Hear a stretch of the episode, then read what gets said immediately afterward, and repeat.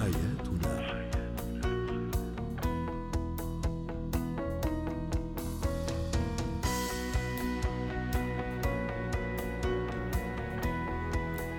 مستمعينا الكرام في كل مكان أهلا بكم معنا إلى برنامج حياتنا برنامجكم اليومي الذي يعنى بشؤون الأسرة وباقي الشؤون الحياتية الأخرى.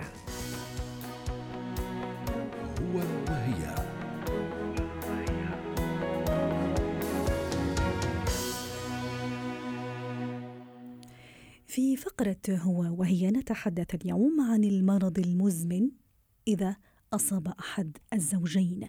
للحديث عن هذا الموضوع تنضم إلينا عبر الهاتف من بيروت آه، ميسون حمزة الاستشارية النفسية والأسرية. مساء الخير أستاذة ميسون. الزواج يشكل في حد ذاته تحدي. فما بالك إذا أصيب أحد الزوجين أو أحد الشريكين بمرض مزمن؟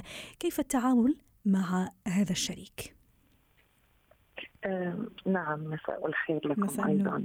آه في الحقيقة الأمر آه سواء أصاب أحد الزوجين مرض أو لم يصبه يتعلق اولا بموضوع الشراكة وفكرة الزواج بين هذين الطرفين، طبعا نعم.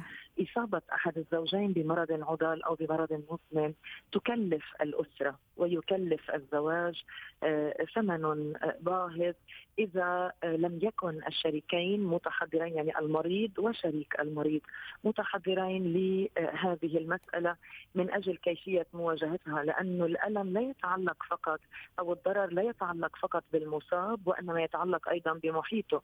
يعني الشريك أيضا قد تتوقف معظم آه، آه، أقسام حياته أو تفاصيل حياته عن آه، شكله الطبيعي وتدخل في حالة من المرافقة لهذا المرض. صحيح. لذلك نحن دائما نقول إنه الزواج يجب أن يبنى على تفاهم وشراكة ووعي لهذا التفاهم. آه، عندما يتزوج الشريكان يتزوجان على السراء والضراء يعني الزواج ليس فقط للأيام الفرحة والسعيدة نعم. الأسرة تواجه مشاكل قد تكون إحدى هذه المشكلات هي إصابة أحد الزوجين نعم. بالمرض طيب آه، أستاذة ميسون خلينا نتوقع نعم. أو نفترض السيناريو الآتي الحياة تمشي بشكل عادي. فجأة أحد الزوجين أصيب بمرض مزمن أو إعاقة نعم. أيضا مزمنة. أكيد يعني ستنقلب الحياة راسا على. عقب. اعطيني أعطيني الخطوات ابتداء من آه، الصدمة ثم امتصاص الصدمة التأقلم معها نعم. وبعدين التأقلم مع الحياة. أحسنتي أحسنتي. أول ذي بدء هنالك الصدمه كيفية التفاعل؟ تخرج المشاعر وتخرج الوعود.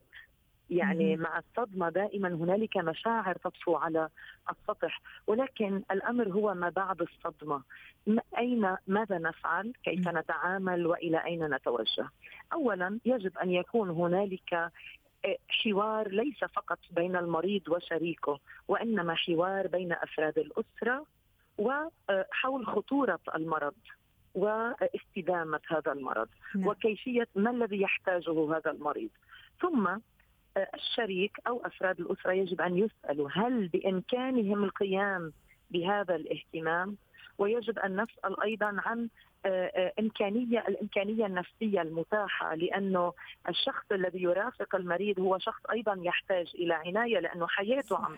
تنقلب أحيانا ليس يشعر بالذنب أستاذة ميسون الشخص السليم أو صحيح. الشريك السليم صحيح. يشعر بالذنب صحيح. لأنه معافى ويت والشريك. الثاني مريض ويدخل في بدوامة، لذلك نحن أمام هذا الأمر ننصح بأهمية وجود أخصائيين نفسيين مباشرين للتحدث وتوجيه ال- ال- الشريكين حول كيفية التعامل مع المرض وكيفية الاهتمام بالذات. الشخص الذي يهتم بشخص مريض وعلى فترة طويلة هو أيضا يحتاج أن يتبع خطوات الاهتمام بنفسه. يعني أن يخضع لجلسات للتكلم عن مشاعره، عن مخاوفه، مم. يرافق المريض بتفاصيل حياته، أن يكون صريح، أن يكون هنالك مساعدة من قبل أفراد الأسرة أو العائلة أو أن يطلب مساعدة طبية، لأن هنالك أمور تشكل خطورة أيضا على الأشخاص ال- ال- الذين ليسوا مريضين، يعني الأشخاص الأصحاء. الشريك السليم لذلك- الصحيح نعم نعم لذلك نحن أمام مسألة وأيضا تدخل في حيز الإنسانية. يعني آه، الشخص المعافى يجب أن يهتم للإصابة النفسية بالإضافة إلى الإصابة الجسدية أو المرضية للشخص، لذلك على عاتقه يقع هم كبير وقلق كبير حول كيفية الاهتمام. وهنا قد يخفق قد تتملكه مشاعر بأنني أخفق بهذا التعامل. وهنا يتملكه الشعور بالذنب. في, في مانع اذا اذا إذا اذا الشريك المعافى ست ميسون سامحيني قطعت كلامك. في مانع إذا الشريك المعافى يعني صارح الشريك المريض إنه تعبان إنه عم يشعر بضغط ولا لا؟ يفضل إنه ابدا لأنه هذا ربما راح يزيد من من حسب نوعية المرض وحسب مم. نوعية التعب وحسب مقدرة وقابلية الشخص. يعني آه بلا مؤاخذة الشخص المصاب بالسرطان وهو في المراحل النهائية لا يمكن أن نخبره هذا. آه، أما إذا كان نحن نتكلم عن مريض القلب أو مريض للسكري أو مريض مصاب بإعاقة تمنعه من التحرك جسديا يجب أن يكون هنالك مساحة من الصراحة للكلام ولكن يجب أن لا نحمل هذا المريض.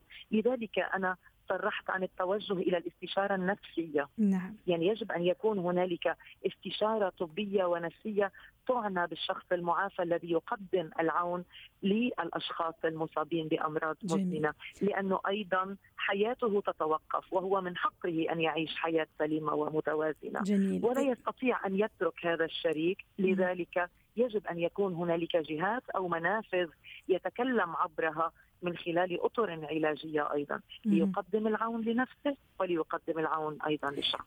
ست ميسون باختصار حتى نختم أيضا هذا اللقاء أنه تكون لدى لدى هذين الزوجين السليم منه والمع والمريض عفوا اهتمامات نعم. مشتركة أيضا أحيانا أو وقت مستقطع قد يبعدهما عن المرض وعن مشاكل المرض وأجواء نعم. المستشفيات نعم. إلى أي درجة هذا نعم. مهم أيضا؟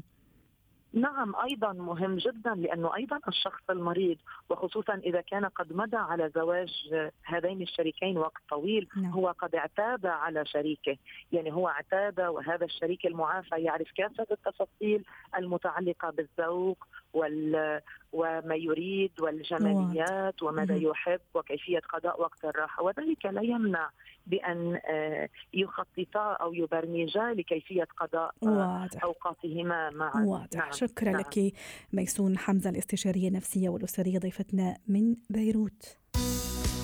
حياتنا.